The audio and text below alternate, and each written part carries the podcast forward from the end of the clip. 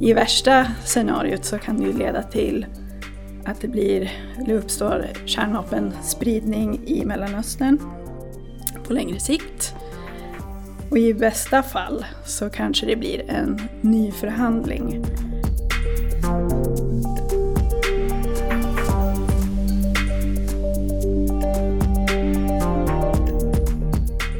Alltså det här är en jätteintressant fråga och det är en, det är en fråga som egentligen alla ställer sig för att det är så svårt att se logiken. Men det här är en del av president Erdogans tvära kast.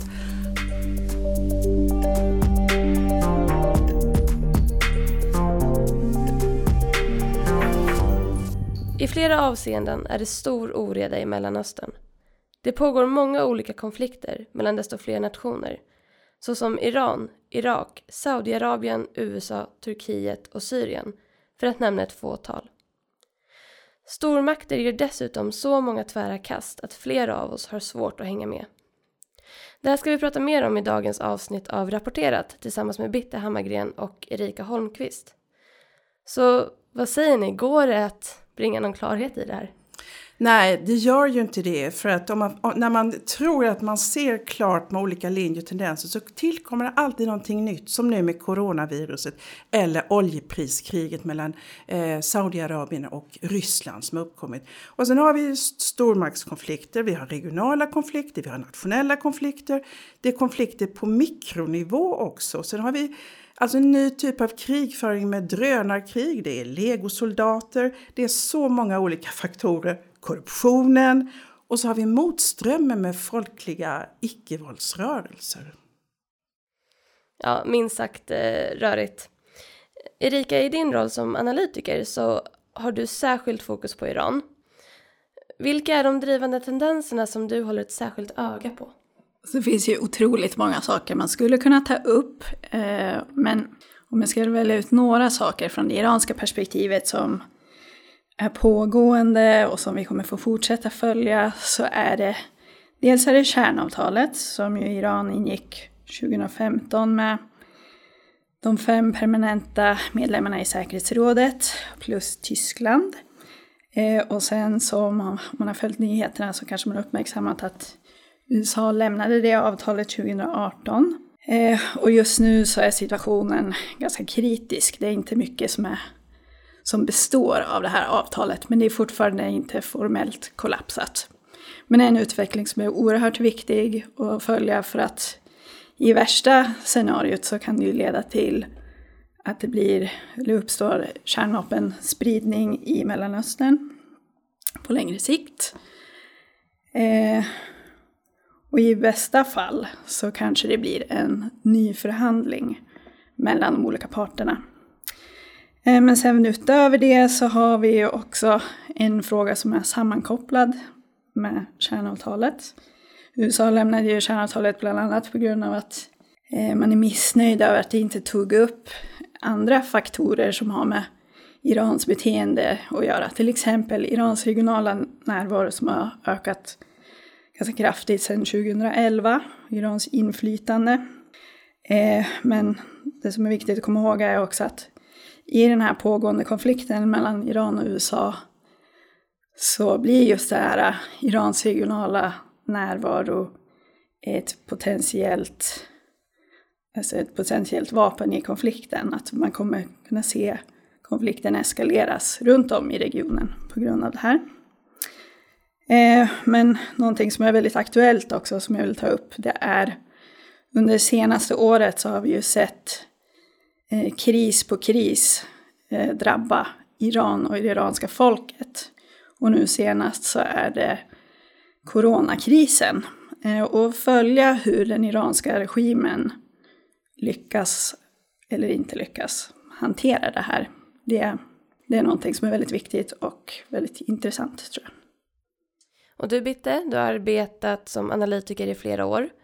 Men du har en bakgrund som journalist och som eh, korrespondent i Mellanöstern. Vad skulle du vilja tillägga när det gäller den här förståelsen av den här stora regionala oredan? Det är en region fylld med många autokrater. ledare som vet att om de faller så faller de väldigt tungt. Man kan ta två exempel i, i närtid. Eh, det är liksom Muammar Gaddafi i Libyen som lynchades till döds på öppen gata. Eller man kan ta Milosevic, eh, Serbiens förre ledare, som, som hamnade i Haag. Och det är sådana perspektiv som finns framför autokraterna om de skulle falla. Därför har de ett absolut intresse att till varje pris överleva politiskt och det gör att de biter sig fast och tar till allt hårdare motangrepp när de är utsatta för press. En annan sak är ju eh, korruptionen som vi inte kanske alltid har en, en, full förståelse över hur djupt den tränger in i samhällskroppen och hur det också leder till att ledare biter sig fast. Vi ser ju faktiskt nu hur Israels premiärminister Netanyahu kämpar för sin politiska överlevnad mot ett korruptionsavtal. Så sådana här faktorer bidrar också till Eh, att det är trögt att förändra de politiska systemen. Fastän det finns eh, en bred folklig rörelse i många länder som kräver eh, en, en demokratisk förändring med icke-våldsmetoder. Erika, du nämnde USA och att USA är på väg att dra sig ur delar av Mellanöstern är alltså en stark faktor för den här, de här oroligheterna. Och USA verkar ha ungefär lika goda relationer till Saudiarabien som de har dåliga relationer till Iran. Vad består grundkonflikten i mellan de här tre nationerna? Jag tror först och främst så kan man ju säga att ja, huruvida Iran eller USA är på väg att lämna regionen eller inte, det, det beror på lite vem man frågar. Men uppfattningen i regionen är ganska utbredd att det känns som att USA inte längre är särskilt intresserat. Eh, och det finns ju vissa saker som, som tyder på det, hur man har hanterat Syrienkonflikten till exempel hur man har hanterat Irak och så vidare. Men jag tror, om man ska diskutera själva konflikten mellan Iran, USA och Saudiarabien, då får man gå tillbaka ganska långt i historien. Eh, I väldigt, väldigt kort så kan man säga att en viktig, ett viktigt startskott från det iranska perspektivet, det var att ehm, CIA avsatte en demokratiskt vald premiärminister i Iran som hette Mohammad Mossadegh 1953. Och anledningen till varför man gjorde det var att han ville nationalisera oljan. Och istället så stärkte man upp kungen i Iran, så shahen, som var betydligt mer västvänlig. Eh, som man hade mycket närmare relationer med helt enkelt, med, mellan honom och USA.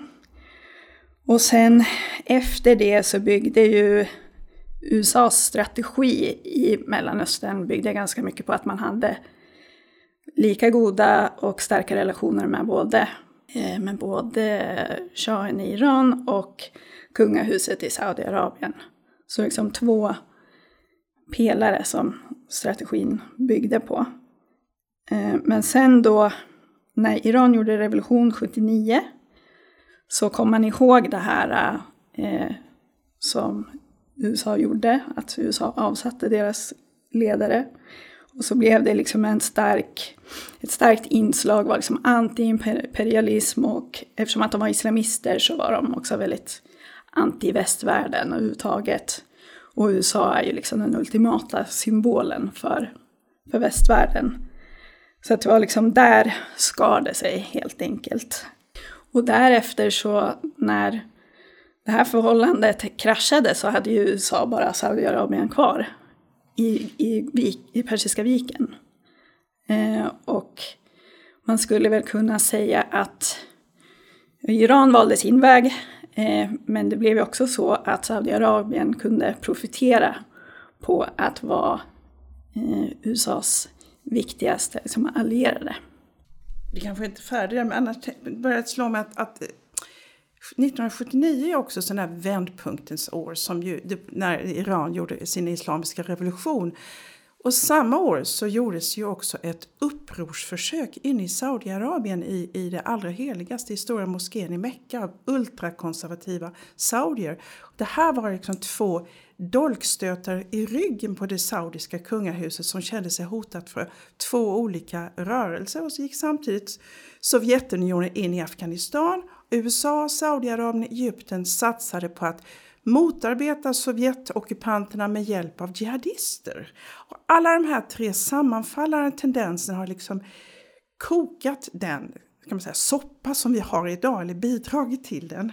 Eh, det tycker jag också är någonting som märks mycket. Om jag får liksom falla in där lite grann så tycker jag det också är intressant att se att Saudiarabien och eh, Iran som står för två olika tendenser i islam Alltså maktkampen är ju inte sekteristisk i grunden, men ledarna underblåser sekterismen. Men det har ju också varit perioder, även under Islamiska republiken i Iran eh, och när man har haft goda kontakter mellan Irans förre president Rafsanjani och Saudiarabiens förre kung Abdullah. Det har, det har liksom funnits bättre tider.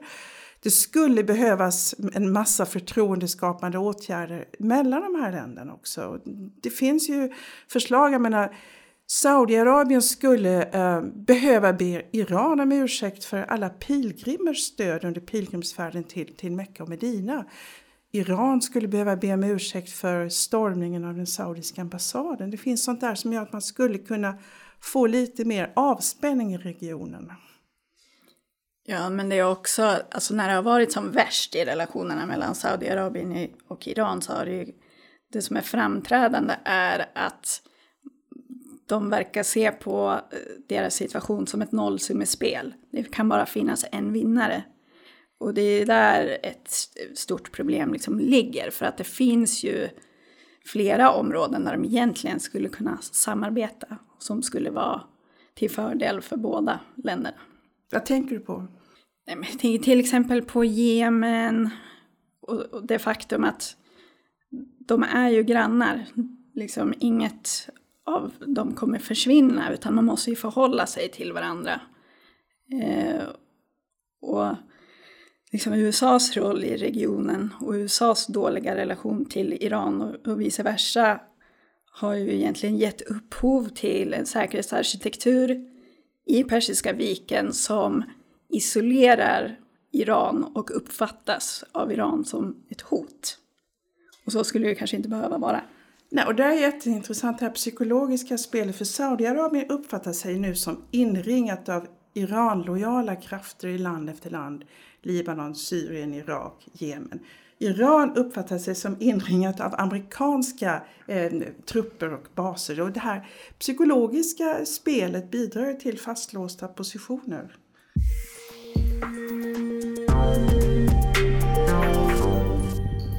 Jag tänker vi ska gå vidare och eh, fortsätta prata om Saudiarabien. Eh, för det är ett land som enligt fredsforskningsinstitutet SIPRI importerar mest vapen.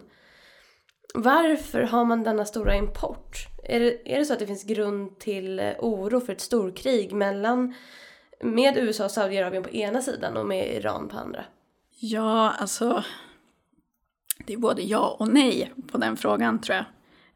Um, det finns många tecken som pekar på att nej, det borde inte vara så sannolikt att det blir ett stort krig för att helt enkelt för att såväl Iran som USA som Saudiarabien är ganska tydliga med att de säger liksom rakt ut att nej, vi vill inte ha en konflikt, vi vill inte ha ett krig. Vilka tecken är det? Utöver att de säger det? Ja, det är framför allt kanske retoriskt. Men sen har det ju hänt en del saker i regionen också. Under förra året så har det ju varit eh, en kraftig upptrappning egentligen, framförallt mellan Iran och USA, men där USAs allierade, som till exempel Saudiarabien, har också varit en måltavla för den här upptrappningen. Eh, och det, det har liksom handlat om att både Iran och USA försöker sätta press på varandra och så hamnar eh, USAs allierade, som till exempel Saudi, hamnar liksom i skottlinjen för det. Eh, men till exempel, det var en incident, eller en ganska stor sak som hände, det var ju att eh, flera oljeanläggningar i Saudi attackerades ju i september 2019. Eh, Saudiarabien och USA tror att det var Iran som låg bakom det. Iran nekade inblandning. Eh, men det verkar ju ganska sannolikt att Iran hade någonting med saken att göra. Eh, och där blev ju dynamiken så att att eh, saudierna såg på det här som en krigshandling. Deras oljeproduktion slogs ut i ganska lång tid. 5% av den globala produktionen var det som slogs ut tillfälligt. Och saudierna hoppades ju då på att USA skulle eh, agera mot Iran i gengäld och så blev det liksom inget publikt kraftigt svar från USA. Och ganska strax därefter, eller snart därefter, så, eh, så gick ju saudiska företrädare ut och sa att de kunde kanske tänka sig att, att prata med Iran. Så det är ett sådant exempel. Och Trump hade ju då en, en, en, en drönare, eller var beredd på attack uppe i luften men sa ju själv att tio minuter före anfall så kallade han tillbaka det hela mot Iran.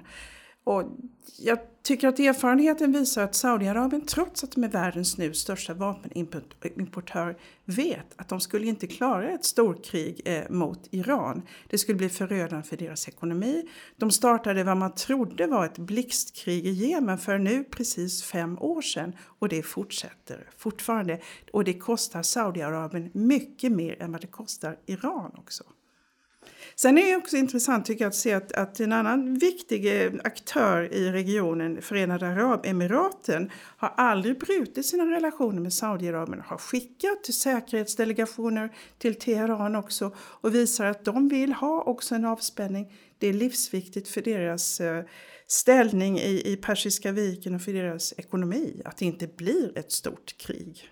Ja, men samtidigt så är det ju när man har den här eh, eskalationscykeln som vi såg under förra året där, ja, där USA och Iran hela tiden utmanade varandra steg för steg. Då ökar ju risken för att någon begår ett misstag som leder till en, en större eskalation än man hade kanske tänkt sig. Så på det sättet så är det ju tänkbart att det blir ett krig. Men i nuläget så Alltså jag har tänkt på, på äh, den riktade attacken mot eh, den iranske generalen Qasem Soleimani i, i, i Bagdad den 3 januari när också en irakisk milisledare dödades. Iraks premiärminister, eller han leder nu en övergångsministär, gick ut och sa att Soleimani kom till Bagdad med ett budskap på det som var förhandlingstrevare mellan Iran och Saudiarabien. Om det är sant, det vet vi inte, men detta är ju vad irakierna själva hävdar. Och Irak är ju en av de stater i regionen som försöker bidra till avspänning. Vi har andra stater som Kuwait Oman. Sverige har ju också nu försökt eh, öka insatsen för medling när det gäller Jemenkriget. Men jag tror att oron är väldigt stort med tanke på att man inte vet hur en oförutsägbar Trump ska agera under sin valkampanj. Om vi flyttar fokus till Irak som du nämner Bitte. Hur ser maktkampen mellan USA, Iran och Irak ut? Vem har övertaget och vad skulle egentligen vara bäst för Irak och för stabiliteten i regionen? Det bästa för Irak det vore ju om landet kunde bygga upp en genuin självständighet och bygga upp en fungerande nation. Det är ingen fungerande nation, det är, det är så många djupa problem. Det är därför IS kunde födas i Irak, det är därför vi har så starka motsättningar. Om man lyssnar på den eh, fredliga proteströrelse som har varit ute på gatorna sedan eh, oktober så har ju de krävt att man eh, får ett nytt, renare politiskt system, bort med korruptionen som är så inbäddat i det politiska systemet. Och budskapet från gatorna i, i, i, i Irak har ju också varit eh, eh, Iran barra, Irak hurra, bort med Iran och ett fritt Irak.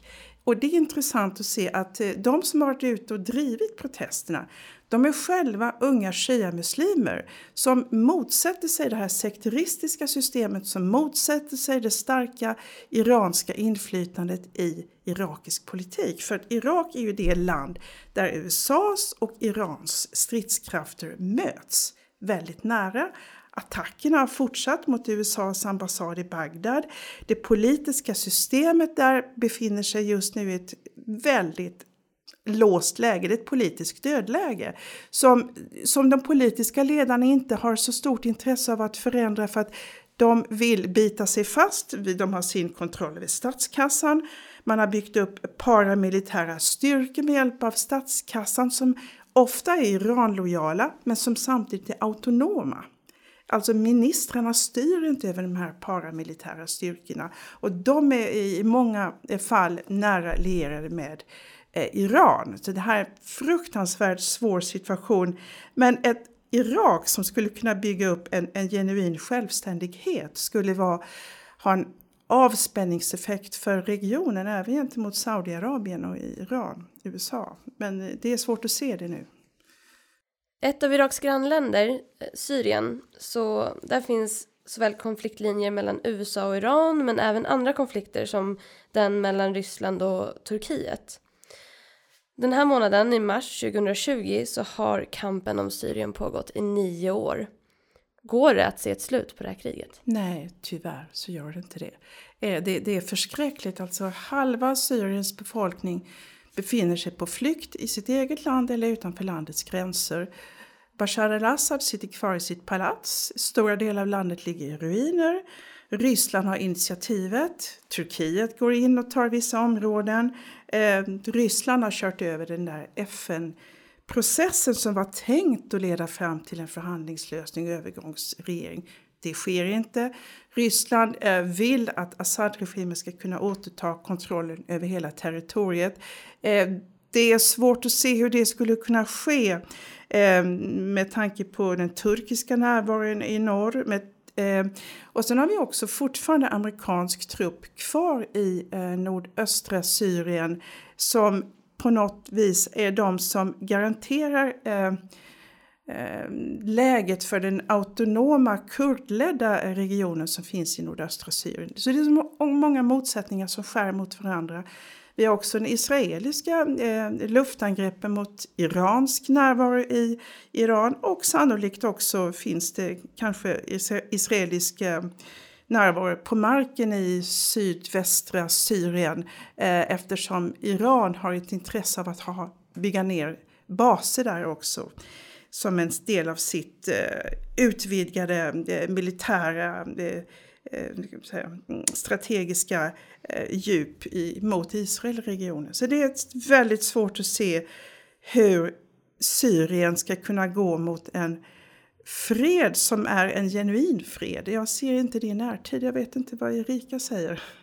Nej, men det, visst, det är väldigt svårt att se. Eh, jag tror att vi tyvärr kommer se konflikten fortsätta i ganska många år till. Har Iran och Ryssland samma intressen i Syrien? Vad säger du Erika? Så i grunden så har de ju vissa gemensamma intressen. Båda länderna vill ju se att Assad-regimen sitter kvar, till exempel. Eh, det var till exempel Iran som...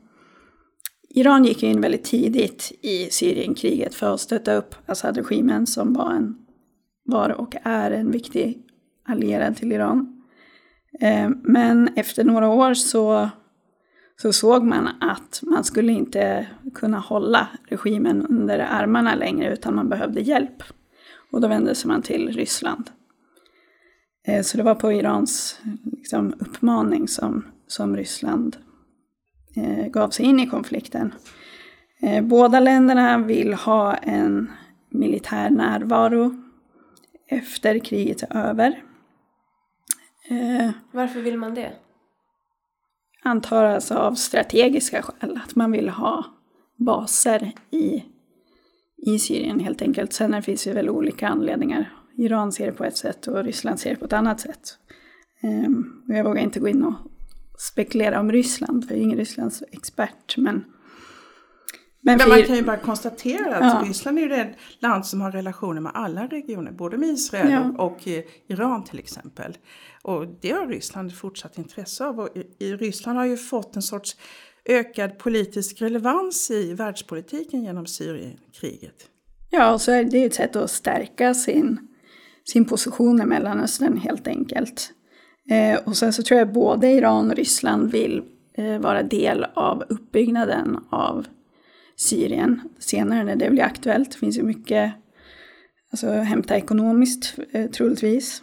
Men där de, jag tror en sak är viktig att komma ihåg, där de skiljer sig, där det finns vissa fnurror på tråden, det är ju att ja, men Ryssland är ju en global aktör, Iran är en, en liksom regional aktör eh, och de har väldigt olika syn på de andra länderna som också är inblandade i Syrienkonflikten.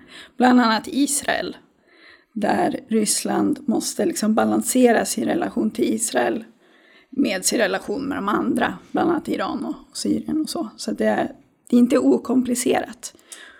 Precis. Och vad man sällan nämner är ju faktiskt att Israel har ju annekterat en del av Syrien, Golanhöjderna, i strid mot internationell rätt sedan länge. Och sen har vi ju Turkiet då som har gått in i delar av Syrien för att ytterligare komplicera det hela. Och erfarenheten i regionen visar att där Turkiet går in av nationalistiska skäl så släpper man ogärna sin militära närvaro. Det är många som tittar på norra Cypern där turkisk militär finns sedan 1974. Och, eh, eh, går att trycka ut det, den turkiska närvaron i delar av Syrien. Ehm, eh, vem, vem skulle göra det? det? Det är också sådana stora frågetecken. Jag tänker vi ska spinna vidare lite på Turkiet. Eh, Turkiet är ett NATO-land som har köpt luftvärnsrobotsystem från Ryssland. Men samtidigt så vill de ha stöd av NATO mot Ryssland i Syrien. Var hör Turkiet egentligen hemma när det gäller säkerhetspolitik? Alltså det här är en jätteintressant fråga och det är en, det är en fråga som egentligen alla ställer sig för att det är så svårt att se logiken. Men det här är en del av president Erdogans tvära kast. Han vill ha handlingsutrymme. Eh, han eh, Eh, Eh, vill eh, inte ta diktat från någon men han har varit tvungen att underkasta sig eh, Rysslands president Putin i ett givet läge på grund av Syrienpolitiken just. Och nu, där närmar de sig efter det, men nu har de en ny liksom, konfliktyta i Idlib-provinsen och då går Erdogan ut och visar att han vill ha NATO-stöd i Syrien. Det kan han inte få för att Eh, man kan inte eh, utlösa Natos artikel 5 om kollektivt självförsvar när turkiska soldater finns i ett annat land. Eh, han vill köpa amerikanska Patriot-system eh, plötsligt. Han har en amerikansk kongress emot sig som vill införa sanktioner mot Turkiet men Trump håller honom om ryggen och det, på något vis så finns det också någon sorts eh, likartad attityd mellan Trump och Erdogans nyckfullhet. Jag tror att det, det fanns en amerikansk eh, journalist som kallade dem för eh, som enäggstvillingar som separerades vid födseln. Det säger en del om deras attityder i nyckfullheten. Men Turkiet vill ha sin handlingsfrihet. Nato kan inte utesluta Turkiet för att det finns eh, ingen uteslutningsklausul i Nato som kan utlösas för i så fall skulle Turkiet ha vetorätt och då säger de nej.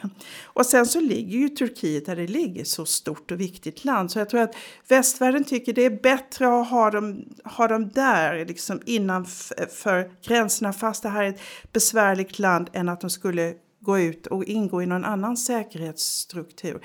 Dessutom har ju Ryssland och Turkiet en urgammal fiendskap som alltid finns där. Man brukar säga att Ryssland har startat åtminstone 12 krig mot det gamla historiska Turkiet, Osmanska riket. Turkarna förlorade alla dessa krig. Ryssland vill närmare varma vatten. Och det här är en sån geopolitisk faktor som finns bakom den gamla konflikten mellan Moskva och Ankara. Vi ska flytta fokus till vårt närområde. Hur påverkar den här regionala oredan säkerheten i Europa och i Sverige? Spontant så tänker jag bara på någonting som vi varit inne på flera gånger här under samtalet och det är geografin. Det är våran grannregion, den sitter ihop med Europa och det säger sig självt att de säkerhetsutmaningar som de har där spiller över på oss också. Så jag menar, vi har familjeband, vi har handelsflöden, ehm, vi har jättenära kopplingar helt enkelt. Så att det mest uppenbara som vi har sett på senare tid är ju flyktingströmmar. Så när konflikterna eskalerar där så ökar flyktingströmmarna till oss. Ja, Precis. Jag menar, ur det perspektivet så är det ju alltså ett så vitalt intresse för Europa att ett land som Iran inte kollapsar ja. med alla sina invånare. För det är helt annorlunda för ur Europas perspektiv äh, än, än jämfört med USAs. Och det är också ett skäl till varför USA och europeiska länder inte alltid går i samma takt i Mellanösternpolitiken. Vi har vår närhet till området. Och av världens, vad är det man säger, 71 miljoner flyktingar som är registrerade idag så finns ju de flesta i Mellanöstern. Så att det, är, det här är ju ett, ett livsviktigt intresse för Europa att det blir avspänning. Går det att se något ljus i tunneln då? Det har ju varit ganska nattsvart hittills. Kan ni ge tre exempel på någon positiv utveckling? Ja, alltså jag tänkte på det som jag nämnde tidigare och det är de här folkliga icke-våldsrörelserna som är jätteintressanta. Det här kommer liksom nio, åtta, nio år efter den arabiska våren men i länder som inte omfattades av den då. Det är Algeriet, Sudan, Irak och Libanon. Det är väldigt svårt för de här folkliga proteströrelserna att rucka på korrupta system men det visar på vilken anda som finns bland unga människor mot korruption, mot en mer eh, ska man säga, ansvarstagande politik, eh, jobbskapande, mot sekterism. Det är ju väldigt positiv motkraft. Och sen tänker jag på kulturen för att nöden är uppfinningarnas moder. Alltså kultur som skapas i regionen är, är väldigt intressant. Och sen har vi alla entreprenörssjälar som försöker liksom bringa lite ordning i, i, i, i kaos. Och en tredje faktor är ju att kvinnor tar för sig mer och mer. Det visar ju statistiken på universitet och andra exempel, även i kulturen. Ja, alltså jag sitter ju här och tänker på mina, mina hjärteområden och blir lite mer så här nördig. Men ett exempel som jag skulle lyfta fram det är bara det faktum att vi har sett hur kärnavtalet är på väg att haverera. Eh, men det är absolut inte, liksom, det är inte oundvikligt. För de allra flesta inblandade vill ha kvar det. Det gäller bara att, eh, att man sätter sig vid förhandlingsbordet igen. Eh, och jag hoppas att det, det kommer snart. Mm. Och vi ska börja avrunda det här avsnittet men innan vi gör det så vill vi ju jättegärna få lite lästips från er och då tänker jag både på rapporter som ni har skrivit här vid FOI men också på lite populärkulturella tips för den som vill dyka ner i den världen. Ja, okej. Okay. Om jag ska börja med lästips Ja, men dels så har vi ju eh, Bittes memo som kom ut ganska nyligen som handlar om precis det vi har pratat om lite grann här. Eh, om situationen i Irak och hur Irak eh, riskerar att bli en arena för konflikt mellan Iran och USA. Väldigt intressant. Sen så håller vi också på med en rapport som handlar om relationen mellan Kina och Iran Eh, Ehm, och den kom väl ut i närtid i alla fall.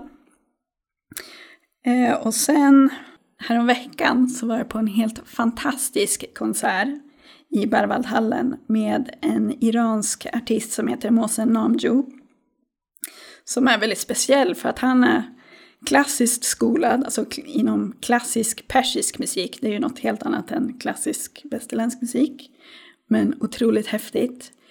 Eh, och han kombinerar det, han är dels musiker men han är också en fantastisk sångare.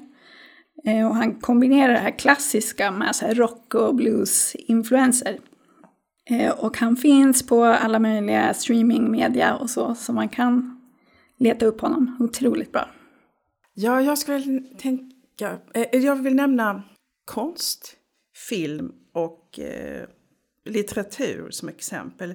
På Moderna Museet så pågår det just nu en jätteintressant utställning av en libanesisk multikonstnär, Walid Rad. Jag tror att den pågår till 10 maj. Och det, han, han har, han har, utställningen heter Helt ärligt, vädret hjälpte.